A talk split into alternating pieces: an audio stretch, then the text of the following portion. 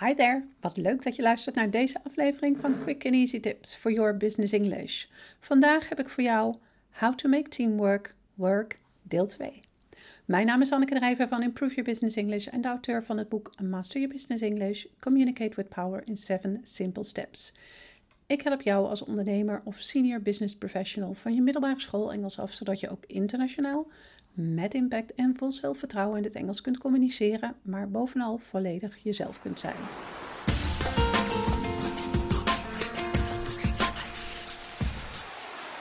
But first, een korte recap. In de vorige podcast heb ik je verteld over teamwork. Dit belangrijke onderdeel vergt verschillende skills, zoals overleggen, luisteren, overwegen en noem maar op.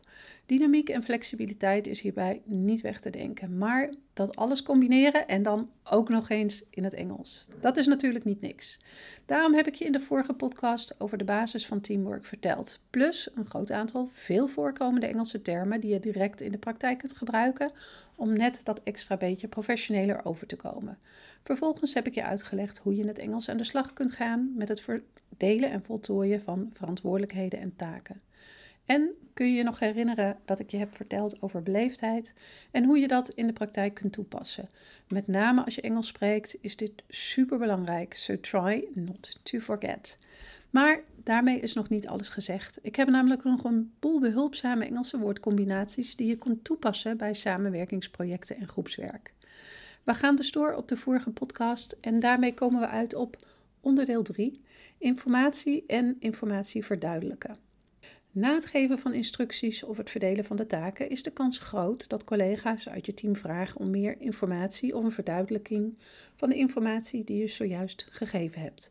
Een kernbegrip dat je hiervoor kunt gebruiken is het Engelse werkwoord to clarify, wat het checken van informatie of het verduidelijken van informatie betekent. Of je nu de teamlead of een van de andere deelnemers aan het groepsproject bent, je wilt informatie natuurlijk zo goed mogelijk verstrekken of alles goed begrijpen. Is iets niet duidelijk of zou je graag meer informatie willen vragen? Dat kun je bijvoorbeeld met behulp van de volgende voorbeeldzinnen doen. Je kunt de zin What exactly do you mean by gebruiken om naar een specifiek onderdeel van de informatie te vragen. Daarnaast zou je de Engelse zin Can I just check whether of Can I just check if gebruiken om verduidelijking te vragen over een onderdeel dat je nog niet helemaal duidelijk is. Dat plak je gewoon achter een zin. Bijvoorbeeld, Can I just check whether you want me to finish this task alone or together with Marie?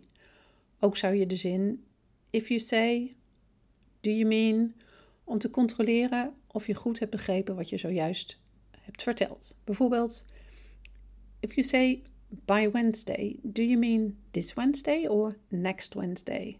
Als laatste kun je natuurlijk ook vragen of bepaalde informatie nogmaals herhaald zou kunnen worden.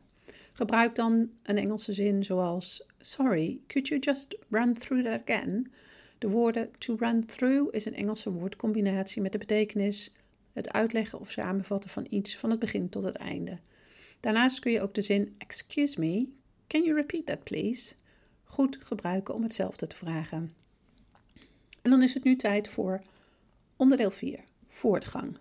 Bij groepswerk of een samenwerkingsproject is het enorm van belang om de voortgang te checken.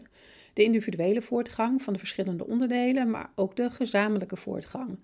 Hoe staat het ervoor met het project? Uh, er zijn verschillende handige Engelse woordcombinaties die je kunt gebruiken wanneer je het hebt over de voortgang van een project. Wat dacht je van to keep on schedule, to stay on track, to keep to the deadline, om aan te geven dat het belangrijk is om de voortgang zoals afgesproken te laten verlopen, zodat het werk op tijd af is en je niet achter komt te lopen. De woorden to keep to kun je ook vervangen met to stick to, waardoor je bijvoorbeeld to stick to the schedule of to stick to the deadline kunt zeggen. Wil je als teamlead aangeven dat je het belangrijk vindt om op de hoogte te blijven van de voortgang van het project? Je kunt dat bijvoorbeeld aangeven met I would like to have regular updates. Als de teamlead dit tegen jou zegt, zou je kunnen antwoorden met I will keep you in the loop. Dat betekent dat je iemand op de hoogte houdt. Heb je het idee dat je helemaal niet goed op de hoogte bent van wat er gaande is, dan kun je het tegenovergestelde zeggen. I'm afraid I feel out of the loop. Daarmee geef je aan dat de communicatie tussen jou en je teamgenoten niet goed loopt en daardoor jij niet goed weet wat er speelt. Natuurlijk zijn er nog meer manieren om de zaken aan te geven die ik in deze podcast en de vorige podcast met je heb besproken.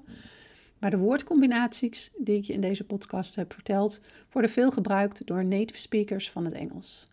Kende je sommige Engelse zinnen nog niet? Schrijf ze dan eens op. Je zult merken dat je ze dan gemakkelijker gebruikt wanneer je aan een groepsproject deelneemt of zelfs runt. Als je deze aflevering hebt geluisterd, zou ik het enorm op prijs stellen als je een review voor ons zou willen schrijven op SoundCloud of iTunes of een beoordeling voor ons zou willen achterlaten op YouTube.